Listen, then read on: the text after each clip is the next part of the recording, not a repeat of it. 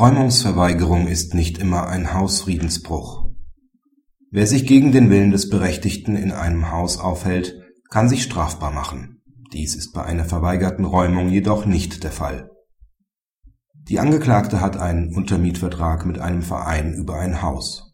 Nachdem das Hauptmietverhältnis mit diesem beendet worden ist, räumen weder dieser noch unter anderem die Angeklagte das Haus. Als gegen den Verein nicht aber gegen den Untermieter ein rechtskräftiges Räumungsurteil vorliegt, erstattet der Vermieter Strafantrag wegen Hausfriedensbruchs.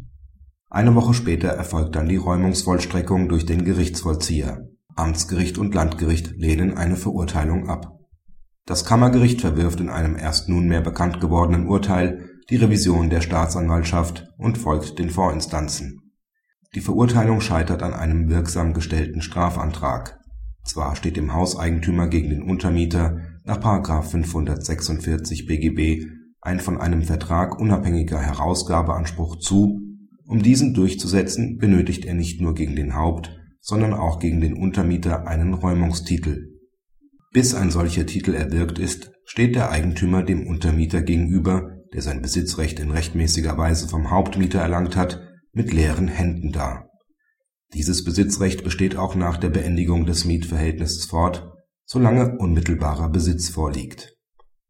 Dieses endet erst mit der Besitzerlangung des Vermieters aufgrund der Räumungsvollstreckung.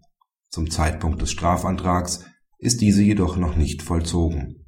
Praxishinweis Die Entscheidung folgt hinsichtlich des Besitzes den zivilrechtlichen Vorgaben. Dies gilt auch für diejenigen Personen, die nicht Vertragspartner des Eigentümers oder Vermieters geworden sind.